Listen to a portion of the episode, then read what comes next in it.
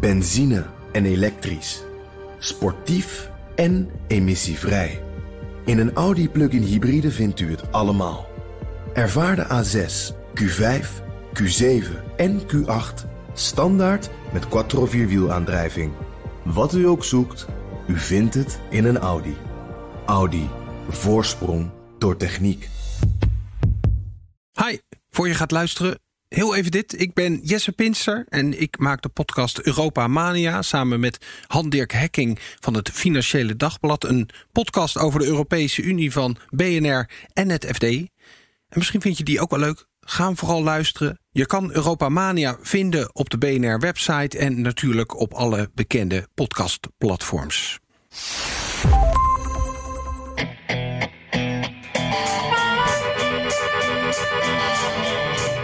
In een week tijd veranderde het coronavirus alles in Nederland en Amerika. We gaan het hebben over de gevolgen voor de Amerikanen, voor Trump en de Democraten. Dit is de 22e editie van de Amerika-podcast. Mijn naam is Bernard Hammelburg. In mijn thuisstudio in Amsterdam. Kom ik direct nog wel even over terug, op terug. Maar zo is dat. Ja, en uh, ik ben Jan Posma. Ik zit aan de keukentafel in Washington. Uh, en dat was niet de bedoeling, Bernard. Want we zouden natuurlijk samen in de podcaststudio staan uh, vandaag. Ik zou in Nederland zijn deze week. Maar daar kwam corona tussen. En ja, zoals dat ook voor veel voor onze luisteraars geldt trouwens. Dus waar je ook zit, in betrekkelijke eenzaamheid of niet... leuk dat je er bent en leuk dat je luistert.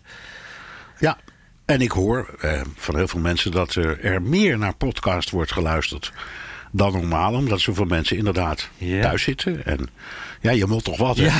En ja, ik, ik, ik was dus van plan om eh, na de opname van onze podcast in de podcaststudio om terug te gaan naar New York. Maar ik kan niet naar huis. Ik mag er wel in, want ik ben ingezetene. Maar er gaan geen vliegtuigen. En bovendien, Jan, ik zat ook te denken, ik, ik heb natuurlijk elke dag contact met eh, David en het gezin. En ik kijk naar plaatjes en de persconferenties. Ik weet niet of het in New York nou zoveel aantrekkelijker is dan eh, hier in Amsterdam op dit moment. Dus ik moet maar even schrikken, schrikken in mijn lot, hè, heet dat. Ja, ja ik, ik ben bang van wel, ja. Want inderdaad, eh, eh, ja, te- terwijl wij een beetje zo aan het installeren waren om te beginnen... toen zagen we de, de gouverneur van New York al... en, en die houdt ja, eigenlijk dagelijks een update over hoe het eraan toe gaat. En New York is wel een van de plekken waar het goed mis is, hè. En, Ja. en ik moet ook wel zeggen... En- ja? Ja, en ik, ik zag, ik zat natuurlijk ook te kijken en dat de helft van het, of 75% van het personeel in kantoren en bedrijven niet meer naar het werk mag. Dus hij sluit het niet helemaal af, maar eigenlijk wel bijna. En ook leuke dingen, want ja, wij riepen net ook toen we onze bandjes aan het starten waren. Eh, jammer dat ik geen hypotheek heb. Ja. Want, die, want die, die zou ik dan een tijdje niet hoeven te betalen. Maar ja, dat is een flauwe grap. Het is natuurlijk voor mensen die dit soort problemen krijgen echt heel serieus. En het is goed dat mensen als Cuomo, de, de gouverneur, dat hij daarop inspringt. Ja, ja zeker. En, en ik weet niet hoe het. eh, ja, ik, ik zie, eh, wij zien hier dus wel natuurlijk hoe de situatie in Nederland ook is. Wij, wij, wij volgen het nieuws ook hier op, op, de, op de voet. Maar ik, ik, ik heb het gevoel een beetje, ben benieuwd of, of jij dat ook onderschrijft, dat, dat het in Nederland nu een beetje hetzelfde is als in Amerika. Hier in, of in ieder geval hier in Washington. Want hier is het echt eh, stil op straat. Ik kan nu zonder problemen over de, de drukste wegen fietsen. Er zijn geen files meer. Eh, de restaurants zijn leeg. Eh, die, die mogen alleen nog afhaal eten leveren. Je mag er niet meer binnen zitten. De winkels zijn behalve de supermarkt ook allemaal dicht. En ja, wij proberen zoveel mogelijk binnen te blijven om maar risico te vermijden. Ik denk dat dat voor jou ongeveer hetzelfde is, of niet? Ja, het is eh, nagenoeg heel. Het meest interessant als je naar BNR luistert in de spitsen. Dan heb je de verkeersinformatie natuurlijk. En dat is nu al dagenlang geen file. Ja. Ja, heel, heel, af en toe, heel af en toe ergens nog een ongeluk of zo. Maar het beeld is: Nederland is leeg, Amsterdam ook. Je kunt hier echt een kogel door de straat afschieten en je raakt niemand. Maar ik woon ook ehm, in Amsterdam eh, vlakbij, eh, ik denk en geloof de allergrootste Albert Heijn in Nederland.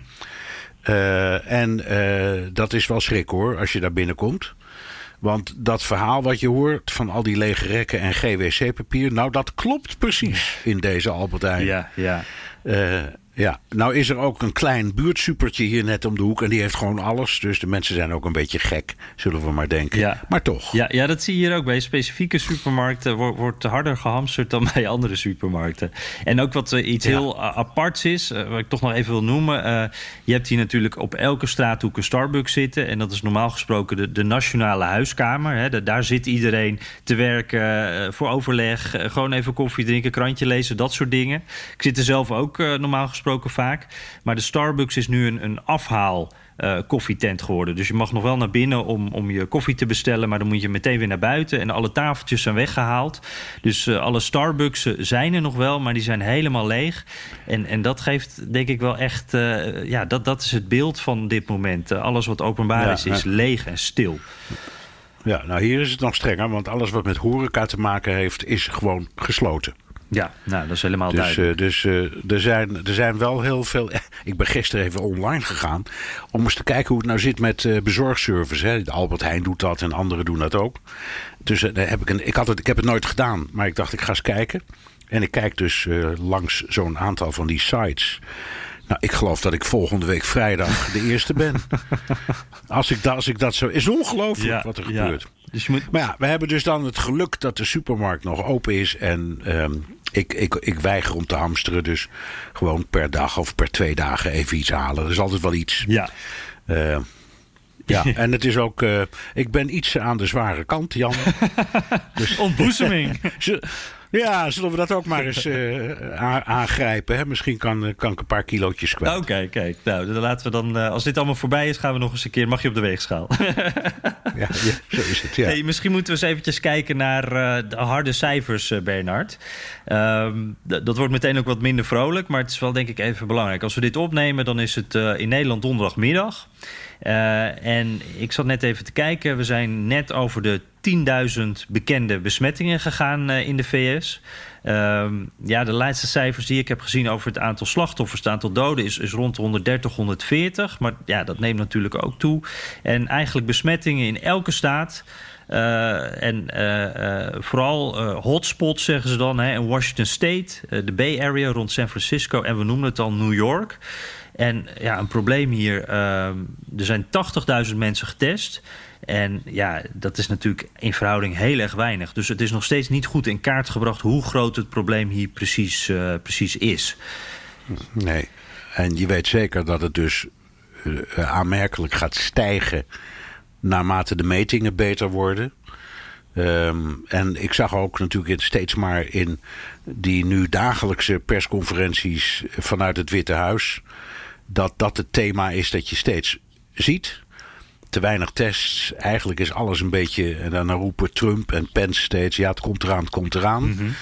en, en de gouverneurs die klagen van: ja, maar waar is het dan, waar is het dan? En een van de dingen die Cuomo, de gouverneur van New York, net ook weer benadrukte in die persconferentie, is de noodzaak om die ventilators te hebben, hè, die beademingsmachines. Ja. Want die zegt: ja, ik ben helemaal aan het plannen om te zorgen dat de ernstige gevallen ook uh, terecht kunnen. En dat het personeel en de bedden en noem het allemaal maar is. Maar de crux van het verhaal is beademingsmachines. En daar is gewoon een schreeuwend gebrek aan. Ja, en, en daar hebben de twee, uh, Trump en Cuomo, ook nog wat ruzie over gemaakt. Hè? Want, want Cuomo die zegt eigenlijk steeds... Uh, wij willen ook hulp van de federale overheid. Uh, die kijkt naar het Witte Huis. zoals die beademingsmachines. ja, uiteindelijk zegt Cuomo gaat dat sneller als je dat allemaal centraal doet. dus Trump regelt het eigenlijk. En Trump die zegt dan weer van ja, elke staat heeft andere wensen. Dus laten we hier niet niet uh, moeilijk ja, over doen. Regel het zelf gewoon. Ja, en bovendien, Amerika is een bondsstaat. Dat vergeten we vaak. Wat dat betreft lijkt die erg op de Europese Unie. Dus al die staten zijn in principe soeverein en autonoom. Mm -hmm. bij het nemen van dit soort beslissingen. Dus uh, we begrijpen Cuomo allemaal. En hij zegt er zelf bij: Ik bedoel dit niet politiek. en ik wil geen ruzie maken met de president van de Verenigde Staten. En misschien is dat ook wel waar. Maar ik denk dat Trump eigenlijk gelijk heeft. Dat hij kan zeggen: ja, we kunnen vanuit de, de, over, de centrale overheid van alles doen. He, we kunnen internationale contacten aanboren. En, en, en fabrikanten achter hun vodden aanzitten om sneller uh, eh, mondkapjes en beademingsmachines te leveren en noem het maar, maar op. Maar jullie, gouverneurs en burgemeesters in je eigen staten, jullie moeten beoordelen hoe erg het is en hoe je ingrijpt. Zit wel wat in hoor. En zo is het in Europa ook. Wij kijken, het heeft weinig zin op dit moment om naar Brussel te kijken het moet toch echt vanuit Den Haag komen voor Nederland. Mhm. Tegelijkertijd denk ik wel dat op het moment dat zo'n gouverneur om hulp vraagt, uh, dat, dat dan uh, het Witte Huis ook wel eventjes uh, mag bijspringen en mag kijken van oké, okay, kunnen we wat extra's doen? En Trump maakt het wel, wel meteen politiek. Ja. Die, die, die, maakte er gelijk een Twitter-ruzie van. Maar goed. ja, ja, precies. En ook, en ook die vond ik toch onthutsende dat onthutsende antwoord op een vraag van een journalist van National Public Radio.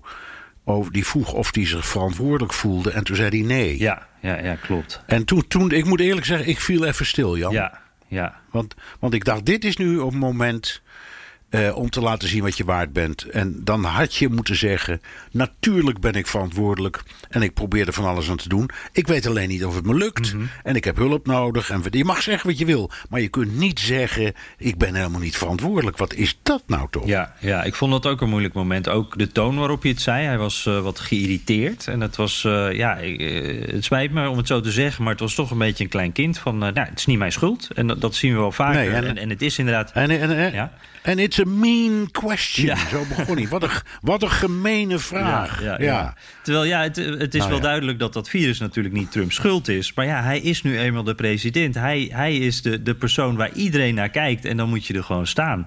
Uh, ja. Hij, Goed, even, even, laten we even naar hem kijken. Want uh, hij, heeft een enorme draai gemaakt. En ook allerlei grappige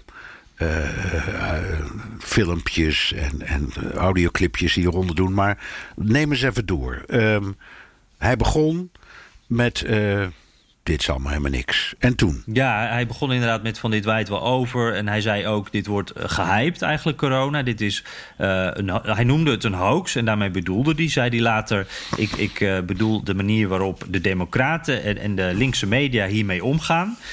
want die hypen dit en die, die, die gebruiken dit eigenlijk als politiek wapen. En dat coronavirus zelf nam hij gewoon niet serieus. en ja, je zag wel natuurlijk een verandering door de dingen die hij deed. Er kwam dat inreisverbod uh, voor, voor uh, Europa, uh, de, de noodtoestand. En ik zag maandag echt een andere toon. dat, dat viel me heel erg op. Toen was er een persconferentie en toen klonk hij echt anders. Toen waarschuwde hij specifiek voor corona. Waarschuwde ook jongeren dat ze echt moesten luisteren en binnen moesten blijven. Nou, eerder zei hij nog uh, dat, dat jongeren dat die er toch niet echt ziek van werden en dat het toch niet zoveel uitmaakte. En hij gaf ook toe dat dit echt serieuze economische gevolgen heeft. En eigenlijk was dit volgens mij, voor mij voor het eerst dat hij ook naar buiten toe duidelijk dit echt serieus nam. En ja, toen zei hij laatst deze week zei hij dit. I've always known this is a This is a real this is a pandemic. I felt it was a pandemic long before it was called a pandemic. All you had to do is look at other countries. I think now it's in almost 120 countries all over the world. Uh, no, I've always viewed it as very serious. There was no difference yesterday from days before. Dus hij zegt eigenlijk, uh, ja, ik, ik heb altijd wel gezien dat dit ernstig was. Ik, heb, uh, ik zag eigenlijk al dat het een pandemie was voordat het een pandemie genoemd werd. En ja, dat was dan het moment waarop we eigenlijk weer een beetje bij de oude Trump uitkwamen. Uh, ja, het is in ieder geval niet mijn schuld. En ik heb het al, al die tijd al gezien. En dat was een moment wat hier, je noemde al die filmpjes hier, hier al heel duidelijk door heel veel media, op social media, ook door heel veel mensen ja, gedeeld werd van, nou, wat zegt hij nou? Waarom zegt de president dit. Ga gewoon aan het werk. Ja, en wat is er nu gebeurd, Jan? Waardoor, waarom is hij omgekeerd? De vraag is hem zelf ook gesteld in een van die persconferenties. Dan zei hij, ik? Ik weet niet. ja, nee. nee. nee. ik. Maar, hè, moi. Ja. Maar uh, het is natuurlijk een enorme ommezwaai. Iemand die eerst zegt er is niks aan de hand en de economie loopt als een trein. En een paar dagen later zegt de hele zaak is in elkaar gezakt. Ik moet dat toegeven. Uh, we moeten rekening houden met recessie. Uh, het is wel degelijk een enorm probleem. Ja, ik ben nu een oorlogspresident. Ja. Wat heeft die ommezwaai uh, veroorzaakt? Ja, ik heb zelf het idee. Trump die bleef natuurlijk iets volhouden dat niet vol te houden was. Als je kijkt naar, naar China, ook kijkt naar wat er op dit moment in Italië gebeurt en al een een tijd in Italië aan de gang is. Ja, je kan niet vol blijven houden dat er niets aan de hand is. en, en ja, Trump is, is qua persoonlijkheid, ik kruip even een beetje in zijn hoofd. hij is een bluffer, hè, hij is een onderhandelaar. En, en ik heb zelf het idee dat hij dit, deze crisis uh, ook een beetje weg wilde bluffen. En, en, dat doet hij eigenlijk nog steeds een beetje. Want heel veel maatregelen die hij heeft aangekondigd... en er wordt hier steeds heel, heel erg benadrukt hoeveel er wel niet gedaan wordt. Maar veel van die maatregelen, ja, daar merken we nog niet directe gevolgen van. Want die tests bijvoorbeeld, die zijn allemaal nog niet uh, wijd en breed beschikbaar. Uh, dus ik heb het gevoel dat dit ook een beetje de persoonlijkheid van Trump is. Het, het, het wegbluffen, het, het willen onderhandelen met iets wat eigenlijk ja, waar niet mee te onderhandelen valt. Maar wat denk jij, Bernard? Nou ja, ik, ik denk hetzelfde. Uh, het is iemand die per definitie in elk probleem dat naar hem toe komt, begint met ontkennen. Altijd is helemaal niks mhm. aan de hand. En mocht er iets aan de hand zijn, is het niet mijn schuld. En mocht het blijken dat het mijn schuld is, dan kon ik er niks aan doen. dat is een beetje. De cyclus. Dat is, dat is een beetje de cyclus. Dat, dat, dat doet hij eigenlijk continu en, en, en altijd. Um, en hier dus ook.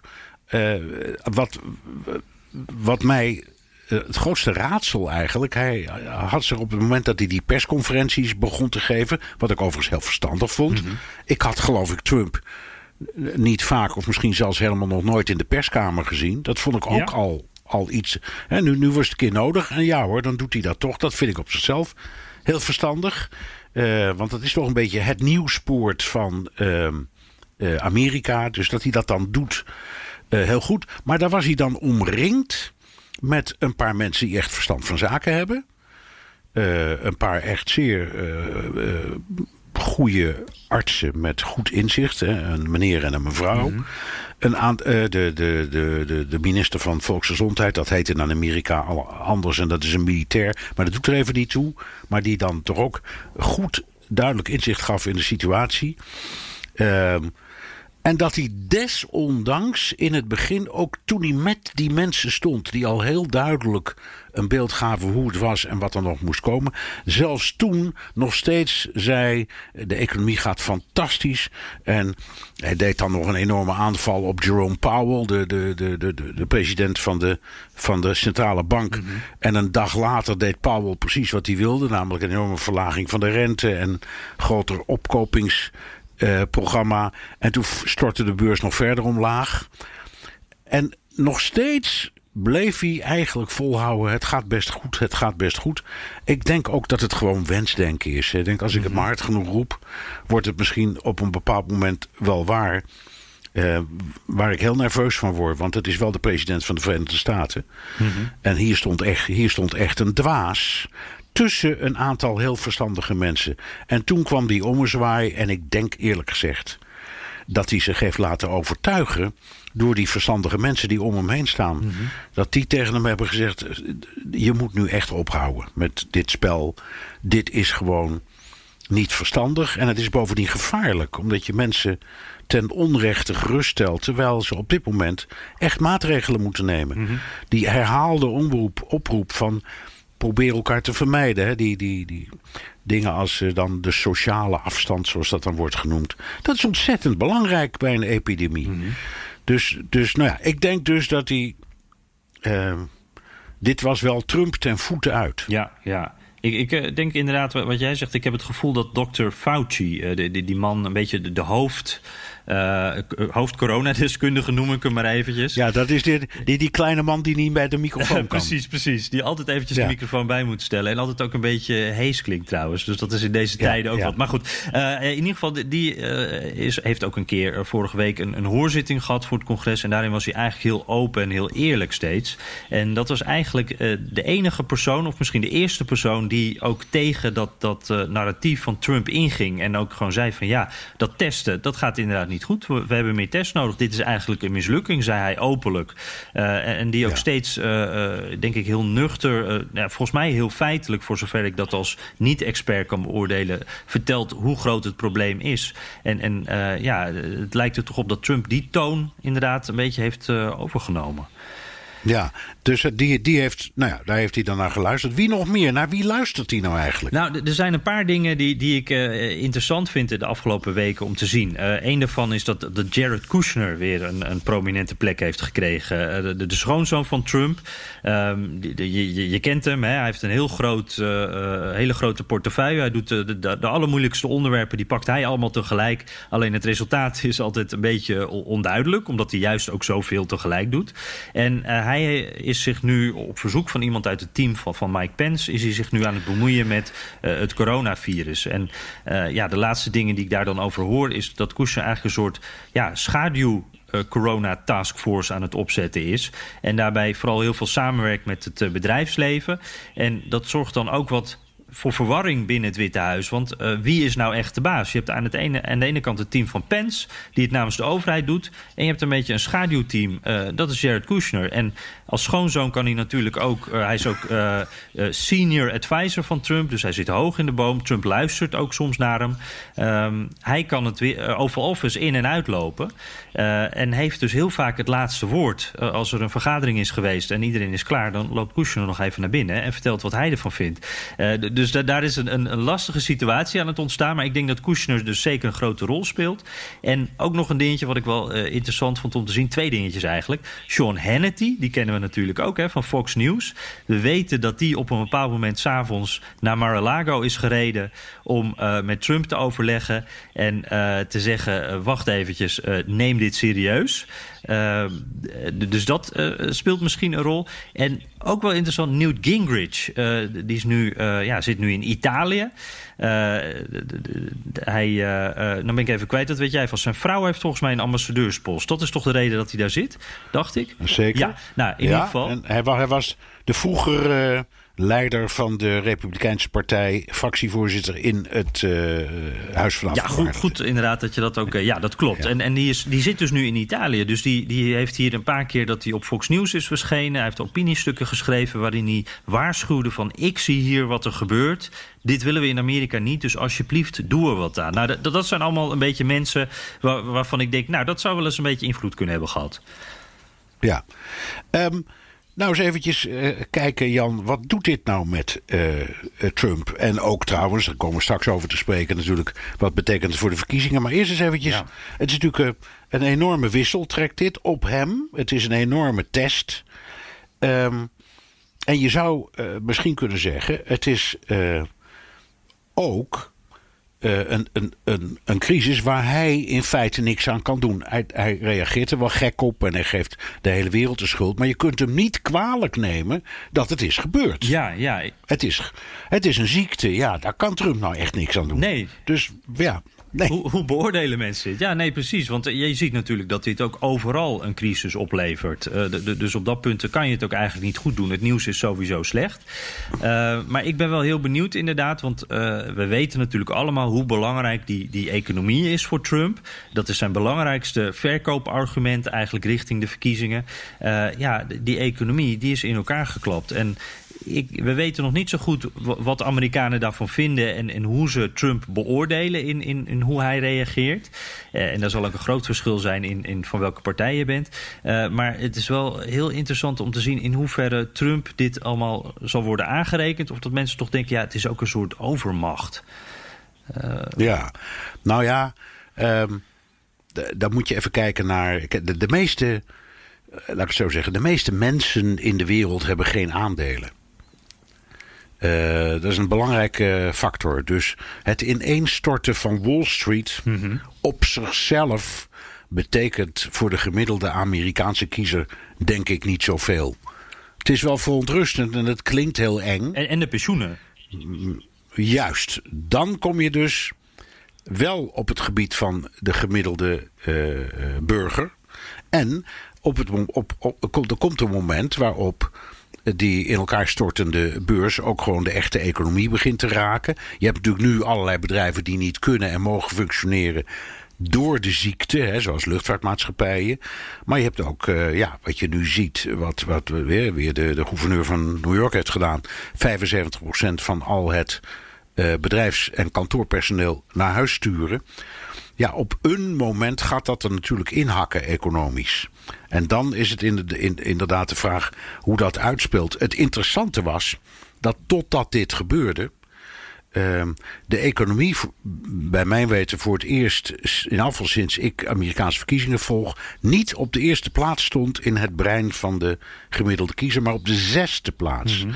Dus op de, op de eerste plaats stond, overigens, is, dat is nu wel daar zit enig cynisme in, maar kan het ook niet helpen. Nummer één is volksgezondheid. Oh. ja, ja. ja, daar maken de mensen het drukst om. Maar dan, jij zei het al, verschil, je zei democraten en republikeinen. Nou, wat is jouw eigen waarneming? Uh, reageren die hetzelfde? Reageren die verschillend? Nou, uh, wat zie jij? Ja, ja ik, ik uh, ben eventjes weer in, wat peilingen gedoken. Want dat vind ik altijd wel interessant. En, en als je dan bijvoorbeeld kijkt hoe gevaarlijk vinden Amerikanen het coronavirus, dan zie je daar steeds een beetje hetzelfde beeld in verschillende peilingen. En, en, en nou, republikeinen die maken zich eigenlijk veel minder zorgen dan democraten. Gallup die, die peilde en die kwam op 42% eh, van de Republikeinen is bezorgd of zeer bezorgd. Nou, bij Democraten is dat meer dan 70%. Dus dat is echt een groot verschil. En uh, Pew Research, ik weet nooit of het P-E-W of Pew. Ik noem het altijd Pew. Hoe noem jij het? Pew. Pew. Nee. Pew, Pew. Ja, ja. 90% van de Republikeinen die Fox kijken, uh, vindt dat de media corona overdrijft. Uh, bij de Democraten is dat ook nog 50% trouwens, dus die, vinden dat ook wel. En uh, eh, 63% van de Fox-kijkers denkt dat het wel meevalt. En ik denk dat daar er zit dus een heel, heel, heel duidelijk verschil in hoe Democraten het coronavirus beoordelen, hoe gevaarlijk dat is en, en hoe de situatie op dit moment is, en hoe Republikeinen daarnaar kijken. En ik denk dat we dat dus ook straks in de beoordeling van Trump gaan zien. Dat er gewoon hele verschillende belevingen zijn van, van dezelfde crisis. Ja, ik hoorde twee uh, verklaringen daarvan die ik interessant vond. Eentje was van, ik geloof iemand van NPR, National Public Radio, in, uh, in hun actualiteitenrubriek, All Things Considered. Mhm. En die zei, en die zei uh, Republikeinen zien dit veel meer als een economische crisis dan als een gezondheidscrisis. Um, en omdat Trump in elk geval uitstraalt dat hij probeert die economie te redden. Met subsidies, eh, met steun aan het bedrijfsleven, mhm. met een, een persoonlijke betaling aan iedere Amerikaanse werknemer van waarschijnlijk 1000 dollar. Allemaal dingetjes die hij doet.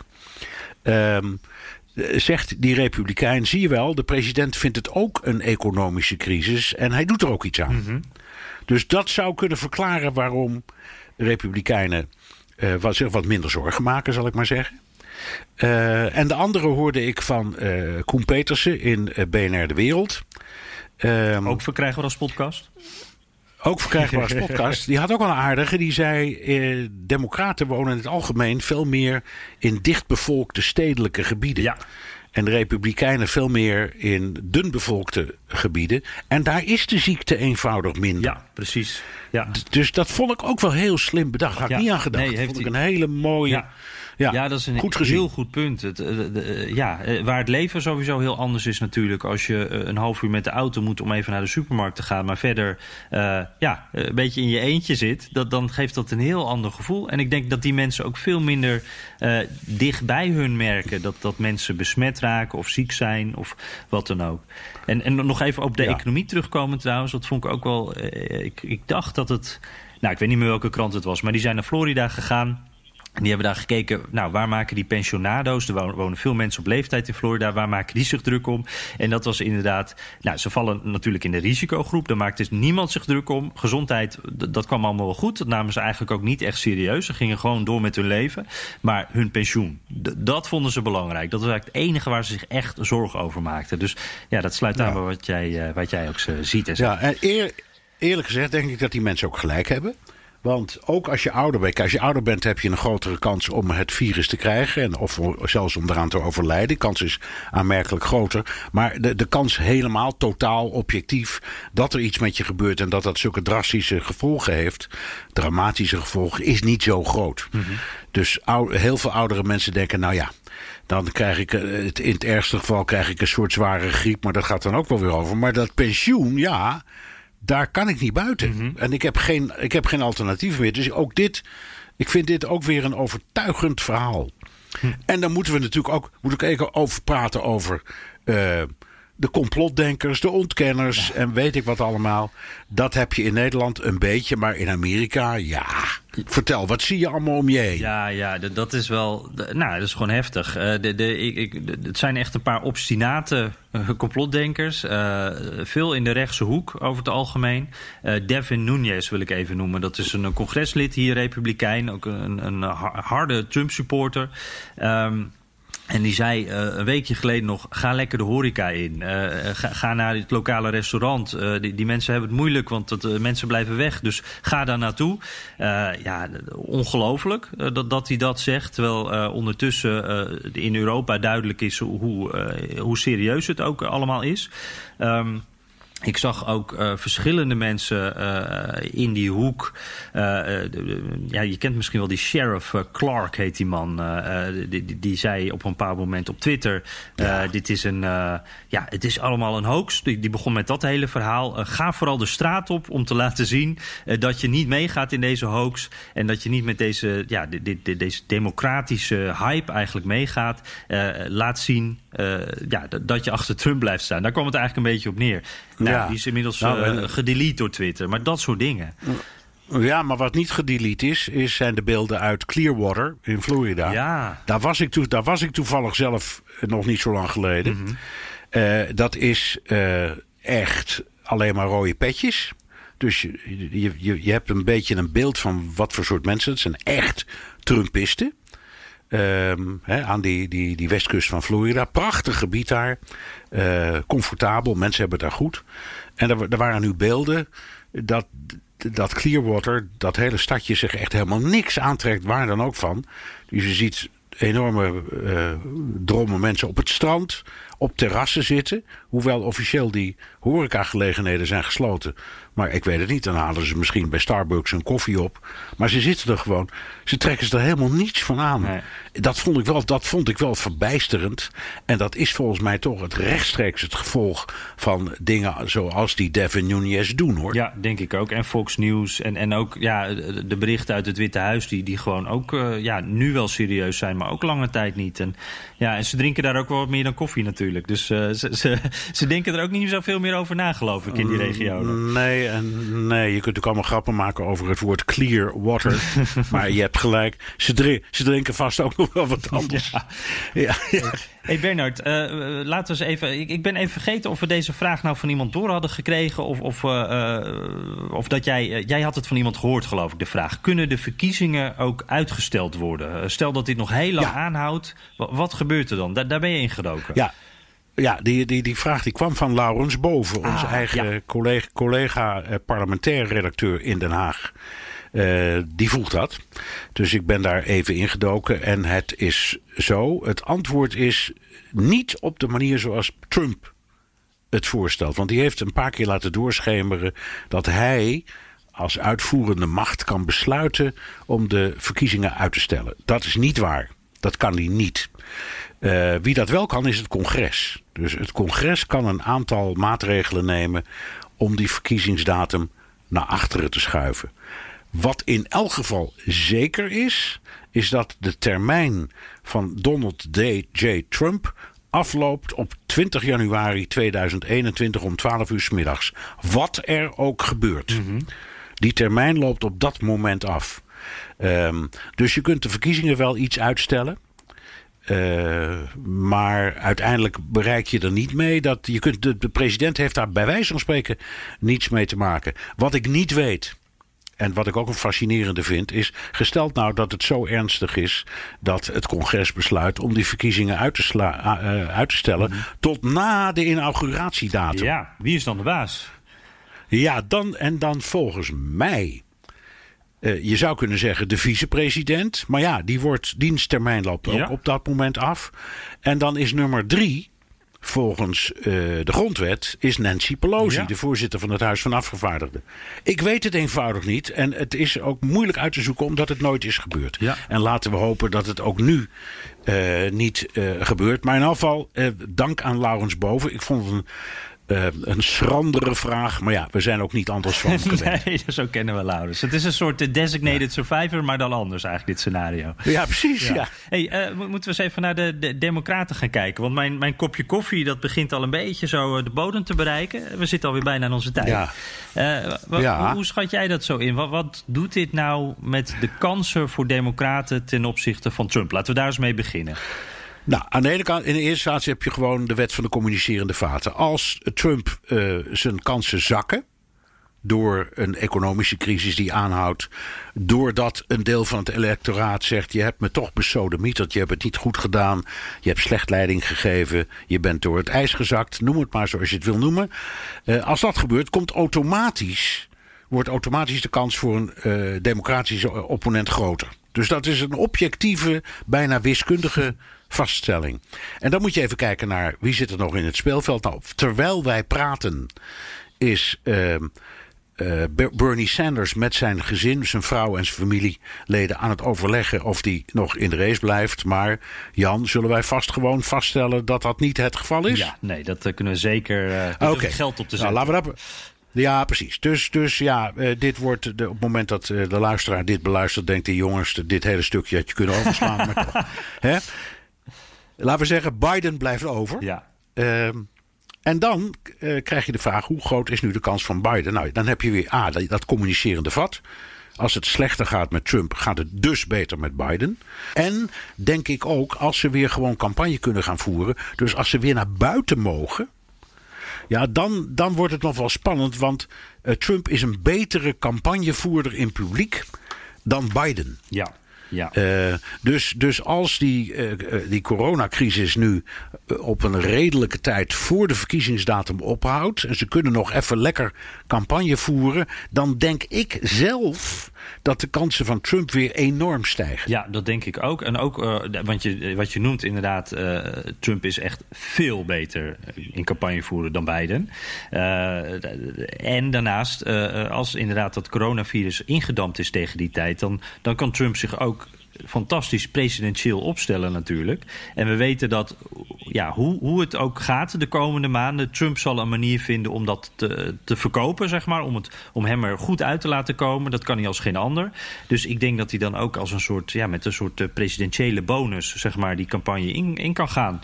En uh, ja, ja dat, dat, dat is iets wat uh, Biden natuurlijk op dit moment bij de Democraten in de primaries ook enorm helpt. Biden die kan zeggen, ik ben vicepresident geweest, ik heb de ervaring. Uh, dat is ook een reden waarom ik de beste kandidaat ben.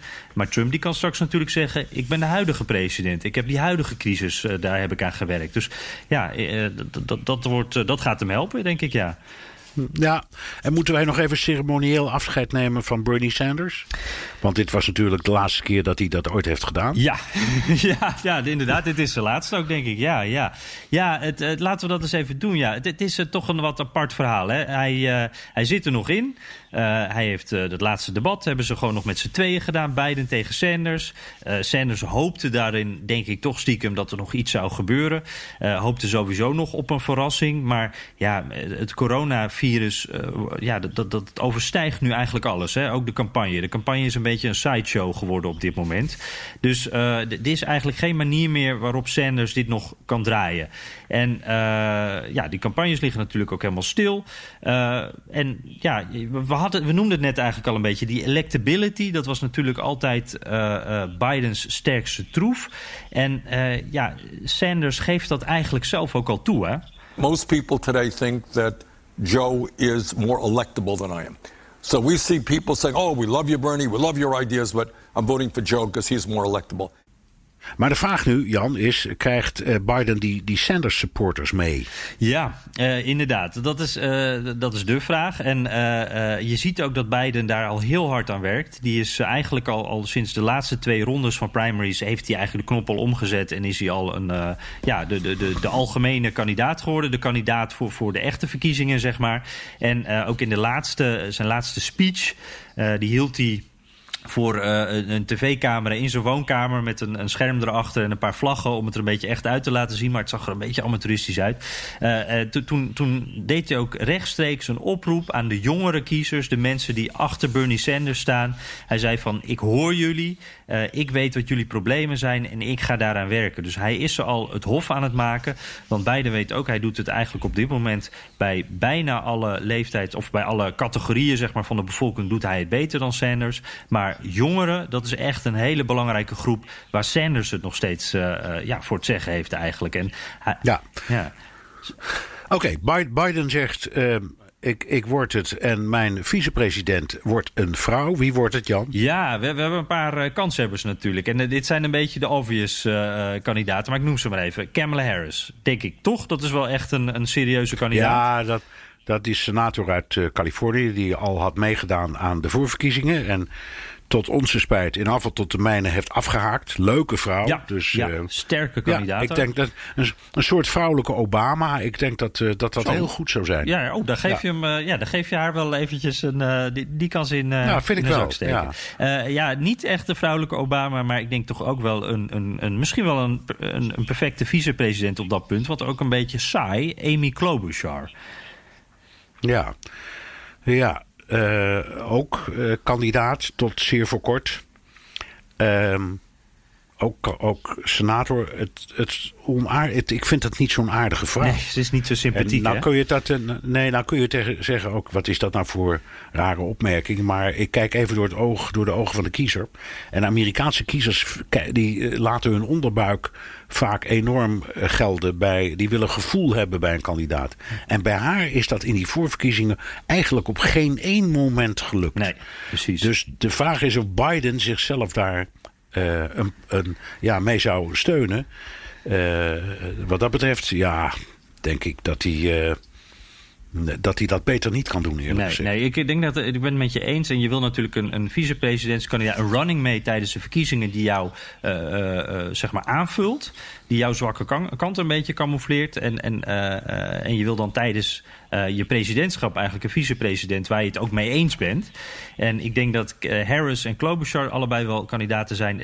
Daar, die, die zitten inhoudelijk wel op één, rij met, op één lijn met Biden. Maar ze vullen elkaar misschien. Ja, Harris, dat is ook. haar ouders zijn van Indiaanse en ik geloof Jamaicaanse afkomst.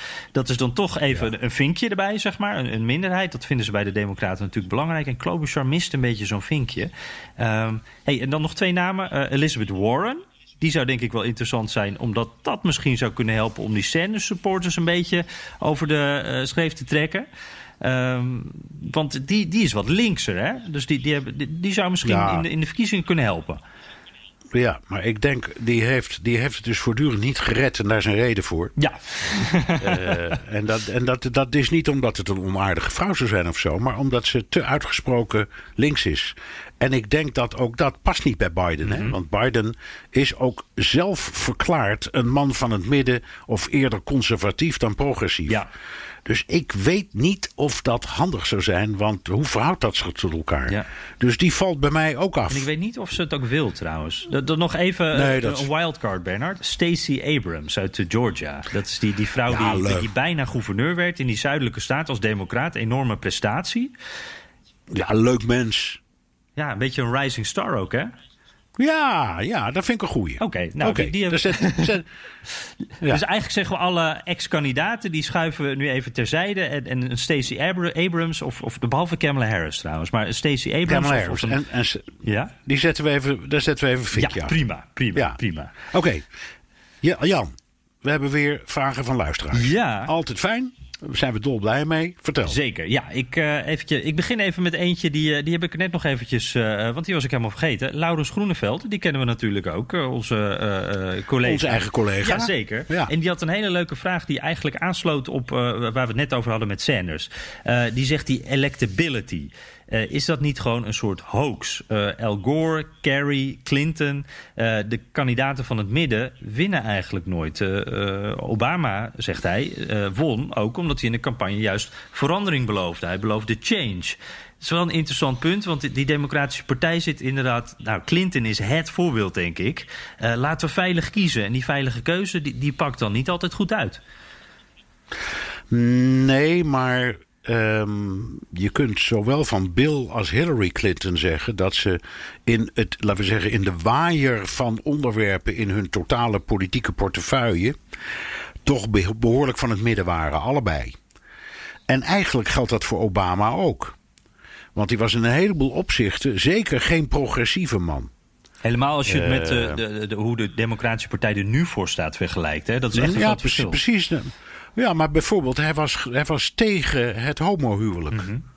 Ehm, en daar is hij in veranderd, omdat hij ehm, een, ja, een goede zeg maar, democratische in- inborst had. Ik bedoel het niet als partij, maar gewoon een overtuig, iemand die in de democratie gelooft.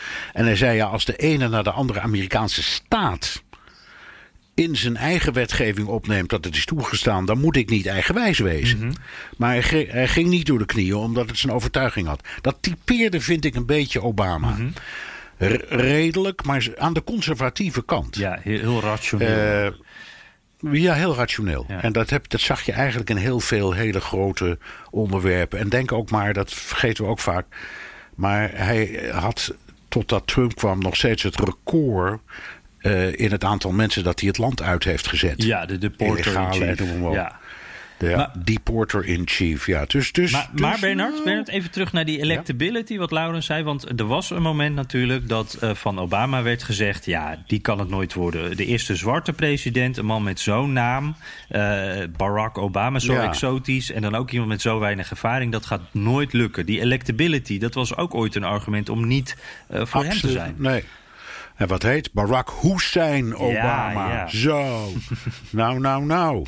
Eh, en daar is hij wat mee eh, afgetreiterd. Het valt niet anders eh, te zeggen. Ja. Ja, eh, je hebt gelijk. En eh, het is een punt. Ik weet het niet. Je- je- la- eh, laten we hopen dat we worden verrast. Ja, dat is altijd goed. Nou, in ieder geval een Ja. verrassend, verrassende vraag van Laurens. Dankjewel. En we gaan even kijken. oh ja, we hadden een mailtje nog van Wout Tjarda. Hij is student integrale veiligheidskunde. En hij zegt, ik hoop dat jullie doorgaan na de presidentiële verkiezingen. Leuke podcast. Nou, heel erg leuk. Wij doen onze best natuurlijk. Ehm, Gaan we ook doen. Ja, zeker. Ja. En hij vraagt zich af, wat gaat er gebeuren eh, als zowel eh, Bernie, eh, Sanders dus, Biden als Trump alle drie bezwijken aan het coronavirus. De kans hierop is natuurlijk behoorlijk klein, maar wat gebeurt er? En hij zegt dan, Pence neemt het dan over tot aan de verkiezingen. Maar ja, wie gaan dan allemaal meedoen? Hè? Wat, wat, wat gaat er dan gebeuren? Nou, het is een beetje wat Ja, vraag, nou, zegt dat- hij zelf ook, maar wel een interessante. Nee, het is een interessante. Het is ook een beetje ehm, de designated survivor, designated Zijn we survivor eh, situatie. Ja, maar ik denk dat allebei de partijen dan in een bijzondere conventie eh, eh, kandidaten aanwijzen. En dat die alsnog de verkiezingen ingaan. Eh, dat kan niet anders. Ja, Ehm, ik, dat lijkt mij de enige oplossing. ja. Maar dat, dat, dat iedereen tegelijk de pijp uitgaat, ja, dat gebeurt niet alle dagen. Hè? Gelukkig, nee, inderdaad. Dat, Nee. Dus blijft heel erg een Denk je dan, want hij speculeert nog even verder... gaat Pence dan bijvoorbeeld voor het presidentschap... in tijden van crisis... eh, en Pence Zou hoofd corona natuurlijk... zou dat misschien niet onlogisch Ja, maar zijn? dat, dat zou allemaal kunnen. Maar hij moet na 20 januari 2021 echt gekozen zijn. Ja. Ja. Anders kan het niet. Ja, ja, ja. ja, ja. Eh, eh, Ronald Huizer, via Twitter eh, gaat het coronavirus ervoor zorgen dat gezondheidszorg het onderwerp wordt van deze verkiezingen. Nou ja, hij noemde al even, het is eigenlijk al voor veel mensen het belangrijkste onderwerp. Ja. Maar misschien nog wel meer. Ja. Wel meer, maar het stond al bovenaan. Ja, dus dus- wat dat betreft, eh goede vraag. En het antwoord is ja. we zijn er al, we zijn er al. Ja, Ja. goed. We kijken aan het einde even naar een stukje Hollandse trots met een Amerikaans tintje. Ehm, ik moet zeggen dat ik op een heleboel andere dingen heb gelet. Heb jij iets gevonden, Jan, waarvan je denkt: oh, dat, wat leuk, daar wat staat Nederland er weer mooi Ja, op? ik dacht, ik kan het wel even gebruiken, Bernard. Even iets helemaal anders. Want wij worden ook natuurlijk. eh, ja, ja, je moet af en toe even in een soort van mediacarantaine. Want het is natuurlijk allemaal eh, eh, slecht nieuws op dit moment. Ik kwam. Eh, wat tegen. 60 Minutes, programma ken je natuurlijk ook. Een bekend actualiteitenprogramma hier eh, in Amerika. Wat heet? Ja, Ja. het misschien wel. Eh, en dat, twee weken geleden hadden die echt een fantastische reportage. Die ging over de Elfstedentocht. En nou ja, dat werd ook. de, de presentator die probeerde dat drie keer achter elkaar uit te spreken. Elfstedentocht. Het, het kwam er uiteindelijk aardig uit. En ze volgden daarbij eigenlijk de alternatieve Elfstedentocht. Ze legden eerst even uit dat, nou, wat het dan was. Was. met mooie beelden erbij. Daar werd ik al vrolijk van natuurlijk. Toen ja, dat het al jaren niet meer door kan gaan. ze waren even bij Henk Angenet langs gegaan, de, laatste winnaar. En ze volgden toen een Nederlandse familie die de alternatieve Elfstedentocht aan het schaatsen was. Met z'n allen. de Dutch Skating Super Bowl noemden ze het. Nou, het enthousiasme dat, dat sprong meteen op mij over. Het was heel leuk om even te zien ook de de, de echte fantastische verwondering bij die Amerikaanse verslaggever over hoe die Nederlanders helemaal gek kunnen zijn van het schaatsen. Ja, en wat leuk, want ik weet niet of het nog zo is, maar 60 Minutes is sinds zijn oprichting altijd een van de tien best bekeken Amerikaanse programma's geweest. Televisieprogramma's dus. Ik ben er zeker van dat miljoenen mensen dit hebben gezien. Ah, Hartstikke Leuk, leuk verhaal. Ja, ik ga terugkijken. nee, het is echt aanraden. online te zien. Ja, ja. Ga ik doen. Hey, uh, dit was hem alweer. Hè? Mijn, mijn koffiekopje uh, is echt helemaal op. Uh, de aflevering van de Amerika-podcast. Ja, via de BNR-app of de site kun je heel makkelijk op de podcast abonneren. Kan ook via de Apple Podcast of Spotify. We genieten altijd van recensies. Jan, heeft nog iemand gemopperd of uh, iets aardigs gezegd? Ja, al die mensen die een beetje chagrijnig misschien in quarantaine al zitten te luisteren. Nee, het was allemaal positief hoor. Uh, J. Sik, uh, met heel veel plezier luister ik naar de Amerika-podcast en ook naar de Donald Show. Hey, dat is leuk. wat mij betreft, dat is ja, dat is altijd goed. In elk geval na aanloop van de verkiezingen de frequentie opvoeren. Eens in de week, vraagt hij. Ja, Bernard. Uh, ja, ja, ja dan, moet, dan, moeten, dan moeten wij, vrees ik, eens even met het management van BNR Nieuwsradio om tafel. Ja, ja even onderhandelen. Ja, nou, ik vind het ook wel een goed idee in deze tijd en in aanloop naar de verkiezingen om daar eens over te praten. Dus, uh, meneer of mevrouw Sik, ja. ik weet niet uh, wat het is. Uh, we gaan, we gaan erachteraan. Ja, ja, ja, ja. We zouden het zelf in ieder geval leuk vinden. Alleen, ja, die, die, eh, meneer Trump moet ook even meewerken. Want we hebben het daar al zo druk zo mee. Marielle die zegt een beetje hetzelfde. Ik kijk er altijd naar huis, uit. Uh, als er een petitie komt om een wekelijkse uh, te maken... dan onderteken ik hem direct. Nou, dat is, uh, dat is helemaal leuk. Uh, Timesen, voor de mensen die achtergrondinformatie willen over Amerikaanse politiek. Zeer boeiend. en ook nog een leuk duo. Nou, dank je wel. Uh, dus, uh, en nog een bedankje aan Rutger Steenbergen trouwens. Die was ons aan het promoten op Twitter. Dat vinden we ook altijd leuk. Ook altijd leuk. Goed. Terugluisteren kan via de BNR-site, Apple Podcast en Spotify. Heb je vragen, opmerkingen, kritiek of complimenten... dan kan dat ook met een tweet naar Jan Postma of BNR De Wereld. Of, heel ouderwets, met een mailtje naar dewereld.bnr.nl. Ja, dat, uh, dat werkt ook nog gewoon. En uh, ja, zit je nu een beetje dus uh, alleen thuis, wil je wat te luisteren hebben, blijf naar ons luisteren. En laat ook even weten hoe je naar ons luistert. het kan ook tijdens het handenwassen bijvoorbeeld. en bedankt voor nu en tot de volgende keer.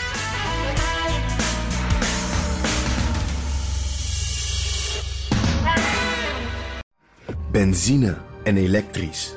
Sportief en emissievrij. In een Audi plug-in hybride vindt u het allemaal.